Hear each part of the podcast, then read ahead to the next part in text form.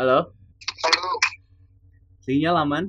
sinyal aman, insya Allah. Insya Allah. Baterai, Aman, aman. hubungan? Masih jomblo. Oke, mari kita mulai. Hai, my name is Bada Benhat, and welcome to this podcast. Dan ini gua kembali berkolaborasi dengan anak daerah asal daerah Jawa.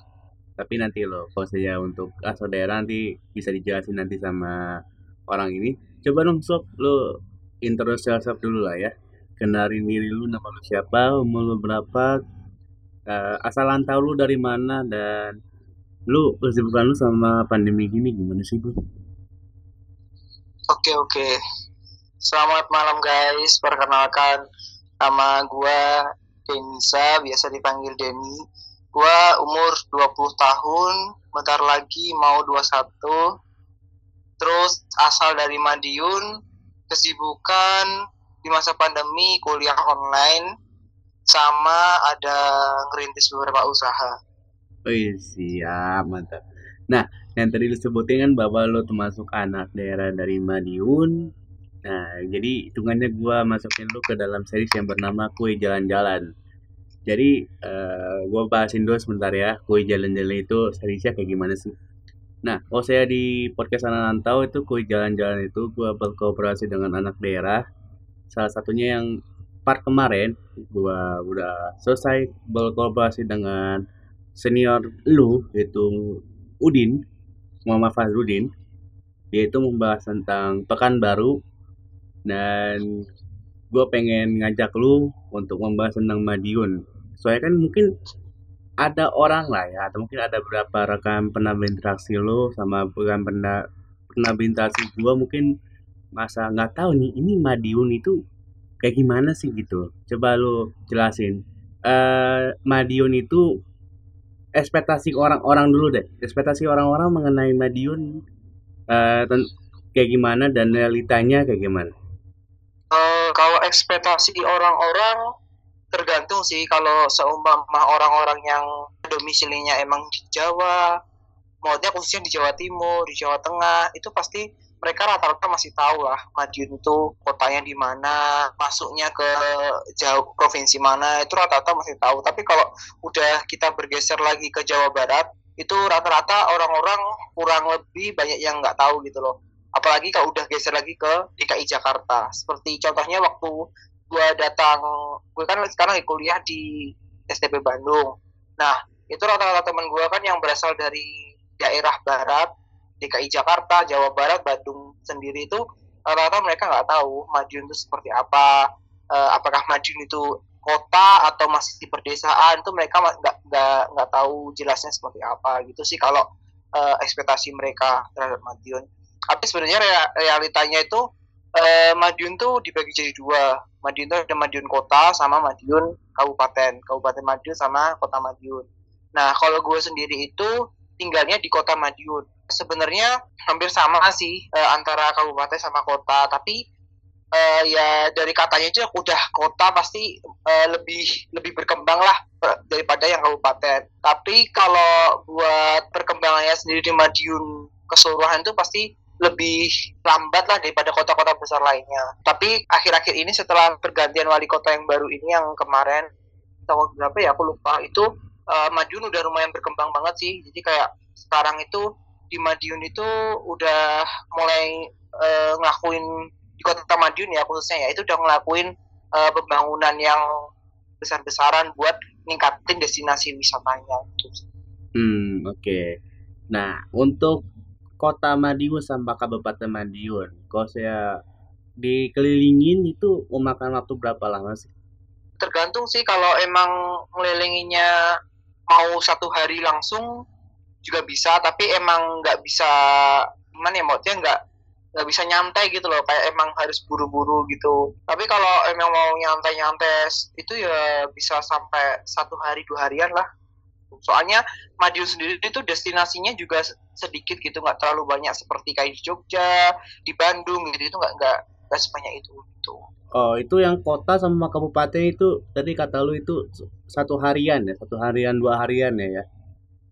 Iya, eh, Hmm. Dikarenakan emang kita kan kekurangan destinasi lah istilahnya, jadi ya sekitar sehari dua harian lah kalau ngunjunginya.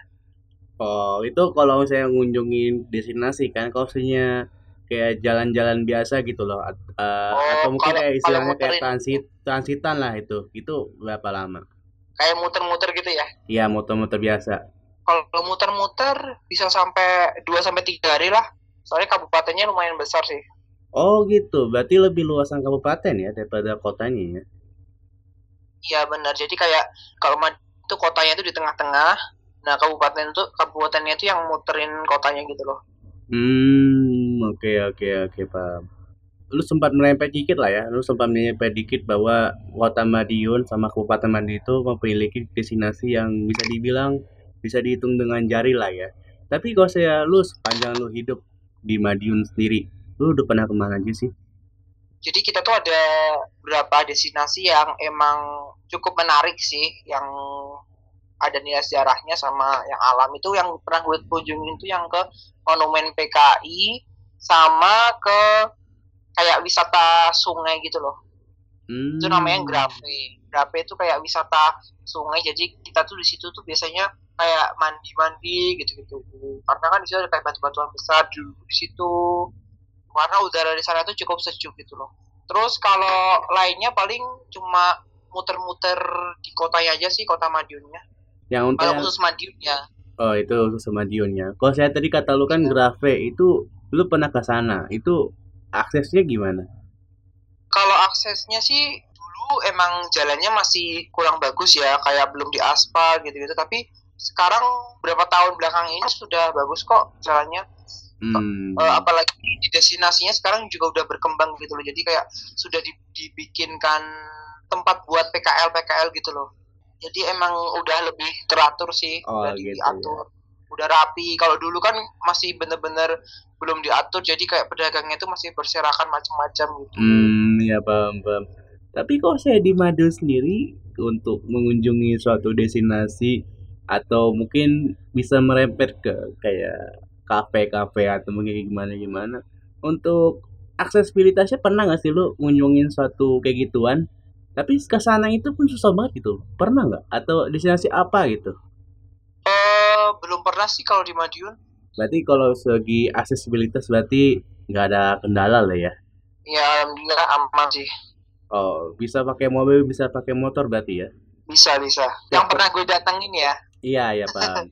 Tapi kok setiap kota nih ada definisi macet-macetnya gitu. Kalau saya di Madiun definisi macetnya itu pas situasi lagi ngapain? Wah kalau waktu macet itu yang pasti waktu libur panjang ya kayak eh, libur hari raya Idul Fitri sama tahun baru sama Natal gitu sih. Oh. Soalnya kan Itu pasti orang-orang luar kota tuh pada ke sini semua gitu loh. Pada balik kampung Hmm. itu macetnya parah sih. Oh. Enggak, jadi maksud gua dalam artian kayak gua pernah berkooperasi sama senior lu namanya Gizandar Milani. Dia itu dari Bontang. Dia dan dia juga sempat bilang bahwa kalau definisi macet kalau saya di Bontang itu yaitu kalau saya ada pasar kaget lah itu. Jadi misalnya ada Ramayana, ada orang-orang kayak belanja-belanja gitu kan sering bikin macet lah gitu. Itu baru macetnya dia di Bontang. Nah, kalau saya di Madiun itu macetnya itu ternyata justru lebih ke perayaan tadi ya perayaan hari besar ya gitu ya kayak lebaran benar. idul fitri gitu-gitu ya Iya eh, bener-bener gitu. Berarti di sana aman lah ya kalau saya untuk kendaraan Aman, nyaman, aman di Madiun. nah lebih ke aman nyamannya itu kalau saya untuk suhunya di sana gimana sih Kalau suhu di sini sih ya standar sih. Kalau emang lagi suasananya nggak musim hujan gitu ya, kayak musim panas itu, musim kemarau itu paling 33, 32 gitu sih. Kalau soalnya Madiun pernah dingin nggak sih dalam artian kayak suhunya di dua- di angka 20 itu pernah nggak 25 26 gitu pernah? Pernah sih pernah. Pernah kalau waktu musim hujan gitu bisa sampai oh 27, 26. Ya ya ya, gue pikir justru sama kayak di Pekanbaru gitu loh. Walaupun hitungannya hujan, tetap aja panas. Enggak sih. Suasana dan cuacanya itu enak gitu. Kalau panas, panas banget. Kalau benar-benar musim kemarau itu nggak panas banget. Tapi kalau musim hujan itu nggak dingin dingin banget gitu sih. Hmm. Tapi kalau di sana panasnya itu panas apa nih? Panas lembab panas karena sinar matahari apa panas karena polusi? Panas sinar matahari sih kalau di sini. Oh berarti terik karena ya? iya terik terik biasa gitu. Hmm oke. Nah kalau misalnya untuk kulturnya di sana gimana sih? Kalau buat kulturnya karena Madiun itu hampir dekat sama perbatasan Jawa Tengah tapi kita juga berada kan Jawa Timur Nah itu kalau buat kulturnya itu kita setengah-setengah gitu lah. Kalau kan Jawa Tengah itu istilahnya orangnya kan kalem-kalem apa ya kalem-kalem itu biasanya apa ya santun-santun gitu itu kan. Tapi kalau Jawa Timur itu biasanya ada orang yang ngecap kalau orangnya itu terlalu ceplas-ceplos kalau ngomong gitu. Kalau Madiun campur sih, jadi kayak tengah-tengah gitu loh. Hmm, oke okay, oke. Okay. Terlalu kalem, tapi nggak terlalu ceplas-ceplos gitu sih. Oh gitu ya ya. Berarti orang Madiun bisa gue bilang labil lah ya. Eh uh, bisa bisa ya gitu. iya kan, jadi maksudnya di tengah-tengah itu gue saya mau arah ke Surabaya kan yang bisa gue ambil stigmanya bahwa kalau saya Surabaya kan sering dikenal dengan omong-omongan cuk-cuknya gitu lah gitu. Terus ya, saya ya, untuk benar, kayak benar. di daerah Yogyakarta, daerah Solo gitu-gitu dan sopan santun lama-lama gitu ya. Berarti bisa dibilang labil lah ya. Ini menurut gua ya, gua saya menurut kalian ya Madiun itu berbeda jauh dengan apa yang gua omongin ya sorry itu saya aja gitu loh. Kalau misalnya untuk orang-orang Madiun itu kayak gimana sih? Apa mungkin kue aja, apa mungkin kayak jutek-jutekan apa bagaimana? Pastinya kalau dari kalangan orang tua itu pasti dia masih menjunjung tinggi adat-adat gitu ya. Maksudnya kayak sopan santun kebiasaan orang tua orang tua zaman dulu nggak boleh gini nggak boleh gini. Terus kamu harus gini gini gitu sih kalau dari orang tuanya tapi kalau dari anak-anaknya sendiri sampai-sampai ke orang-orangnya tapi kalau saya dari orang tua lu sendiri masih bercengkrama atau mungkin sering ngobrol-ngobrol pakai bahasa Jawa nggak sih? Wah pasti. Kalau kalau di Madiun itu eh, sebagian besar tuh pasti pakai bahasa Jawa Jawanya Jawa apa yang di keluarga lu? Kalau dari gua sendiri ke orang tua itu pakai bahasa Jawa. Jadi itu Jawa itu ada, ada empat ya. Nah, Jawa itu ada empat bahasa ngoko lugu, ngoko alus, kamu lugu, kamu alus. Dan biasanya itu kalau dari uh, gue lihat tuh dari generasi gua ke orang tua itu biasanya pakainya ngoko alus. Tapi kalau dari generasi lima tahun ke atas itu tuh ke orang tuanya itu pakainya itu kromo alus gitu sih. Hmm, oke oke. Nah, kalau saya untuk mengenai makanan atau mungkin bagian kuliner. Nah, kalau saya untuk makanan sendiri, ada nggak sih makanan khas Madiun itu? Makanan khas Madiun ada sih ada. Uh, pasti semua orang tahu sih. Yang pertama itu ada pecel. Terus yang kedua itu ada roti bluder. Jadi itu macam-macam. Ada isinya keju, ada isinya coklat, ada yang isinya kismis macam-macam tergantung itu filosofi nama boulder itu apa gitu? Kayak gimana? Kalau saya menurut lu. Setahu gue itu kayak roti zaman dulu gitu. Kayak dia tuh dapat warisan resep dari orang Belanda gitu sih. Hmm oke. Okay. ya ya ya nah untuk mengenai makanan tadi mungkin ada lagi nggak sih yang lu tambahin? Ada lagi nggak? Ada itu ada brem brem itu makanan fermentasi dari ketan hitam yang diambil sarinya gitu terus diendapkan semalam. Kalau kalian pernah makan brem itu rasanya kalau daging kemut dia langsung kayak mencair gitu loh biar karena dia bentuknya kayak soda yang difermentasi itu. Hmm. terus ada madu mongso. Madu mongso itu jajanan Madiun kemungkinan ya gue juga kurang tahu pastinya gimana. Nah itu dia dari ketan ketan hitam dibuat tape. Nah terus dicampur sama gula dan santan tuh hmm. dia hampir hampir mirip kayak dodol. Oh gitu oke. Okay. mirip kayak dodol itu sih. Tapi kalau misalnya yang tadi lu sebutin rata-rata makanan khas Madin itu manis-manis sih kalau makanannya bisa dibilang manis juga bisa bisa dibilang asin gurih juga bisa itu kayak tengah-tengah gitu loh. Nggak semuanya manis. Kalau saya asin dan gurih itu kayak gimana? Kan tadi kan lu bilang kan bawa berem terus roti apa lagi roti boulder atau mungkin kayak apa apa itu kan rata-rata kan manis gitu loh. Nah untuk yang asin sama gurihnya itu dapat dari mana gitu menurut lu? Kayak itu sih apa makanan makanan sehari-hari yang dimasak gitu loh. Mungkin dapat dari kayak- pecelnya kali ya. Ah, ah, kayak pecelnya gitu. Kayak kayak kalau orang bikin apa gitu pasti rasanya rasanya itu sih. Oke. Nah, kalau misalnya mengenai minuman, baik yang halal maupun yang memabukkan, kalau misalnya ada ya, itu ada ada apa aja sih? ada ini namanya apa? Lupa. Oh ini.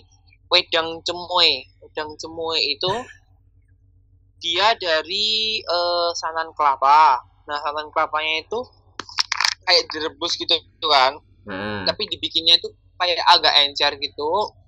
Terus biasanya itu dia dicampur sama kacang tanah terus dikasih potongan roti dan biasanya rasanya manis-manis gurih gitu karena percampuran antara gula dan santannya tadi. Dan biasanya itu disajiin di dalam keadaan hangat-hangat. Oh kayak di mangkok gitu lah ya. Eh, eh, bener-bener kayak di mangkok gitu Hmm. Terus ada lagi nggak? biasanya kelihatannya Tapi kalau sih yang memabukkan ada nggak? bukan aduh gue, gue kurang tahu sih soalnya belum pernah coba juga Oh iya lupa. Saya kan berkolaborasi sama orang yang nggak sering mabuk, nggak sering pulang pagi, ber- berangkat pagi. Pulang pagi pulang pagi pulang tapi nggak nggak buat mabuk Iya, gue tahu kan lu termasuk salah satu anak event, jadi kan ya gitu pulang pagi karena ya Iya. bikin acara lah, gue paham. ini lu kalau pernah lihat di Instagram lu pasti pernah lihat patung Merlin di Madiun nah Madiun sekarang lagi itu sih lagi giat-giatnya ngebangun beberapa ikon-ikon dunia Ah, kayak gimana gimana? Masa Marlion nyampe ke Madiun gitu?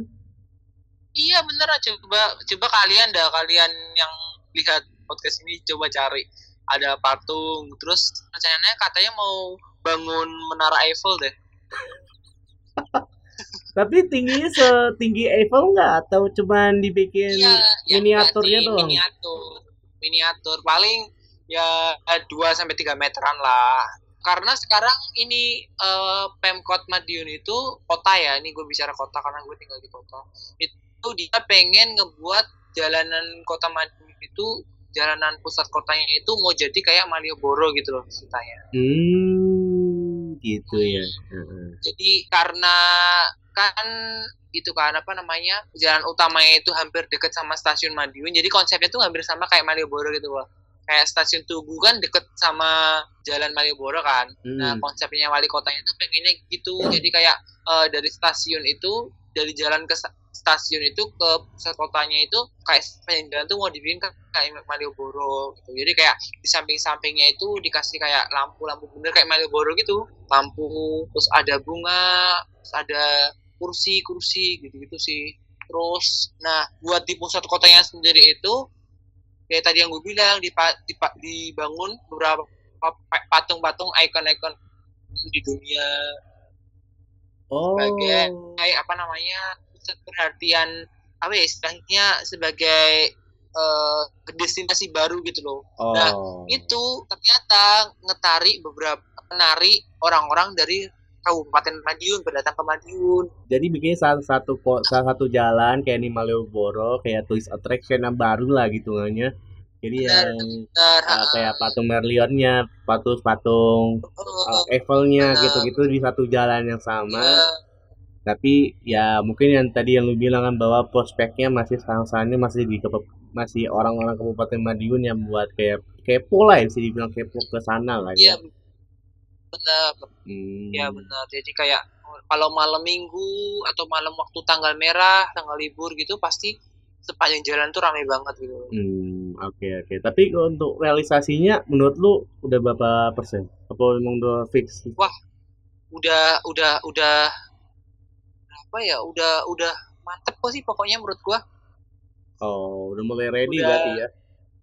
sudah eh, udah udah siap semua paling 90 persen 95 persenan lah udah udah jadi kok udah jadi udah jadi Udah jadi justru. Oh, oke oke Oh. oke. Siap.